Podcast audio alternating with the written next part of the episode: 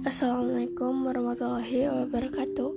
Namaku Kesya Rifata Salsabila Biasa dipanggil Kesya Aku dari kelas 7 Bosnia Aku ingin memberitahu sejarah berkur berkurban.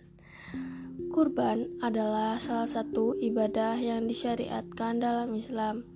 Menyembelih hewan kurban sebagai sebuah ibadah memiliki latar belakang sejarah yang menakjubkan. Nabi Ibrahim menerima wahyu dalam bentuk mimpi yang memerintahkan agar dirinya melakukan penyembelihan terhadap anaknya, Ismail. Maka tak, tak kala anak itu sampai berusaha bersama-sama Ibrahim, Ibrahim berkata, "Hai anakku, Sesungguhnya aku melihat dalam mimpi bahwa aku menyembelihmu. Maka pikirkanlah apa pendapatmu. Ia menjawab, "Hai Bapakku, bekerjalah apa yang diperintahkan kepadamu. Insya Allah, kamu akan mendapatkan termasuk orang-orang yang sabar." Nabi Ibrahim tetap yakin akan kebesaran Allah Subhanahu wa taala. Nabi Ibrahim memahami ia akan kehilangan buah hati yang dicintainya. Jika perintahlah penyembelihan dilaksanakan Allah begitu Nabi Ibrahim tetap yakin bahwa Allah lebih menyayangi Ismail daripada dirinya sendiri.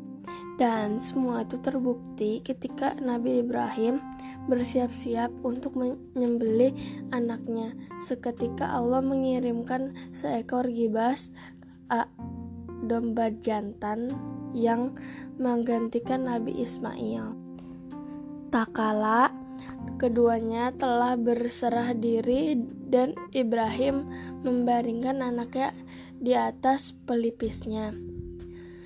Kami berseru dan memanggilnya, "Hai Ibrahim, sesungguhnya kamu telah menyakin mimpi kamu itu.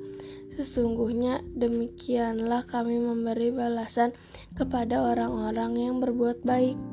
Sesungguhnya ia benar-benar merupakan ujian yang nyata." Dan kami tebus putra itu dengan seekor kambing sembelihan yang besar dan kami abadikan itu untuk Ibrahim.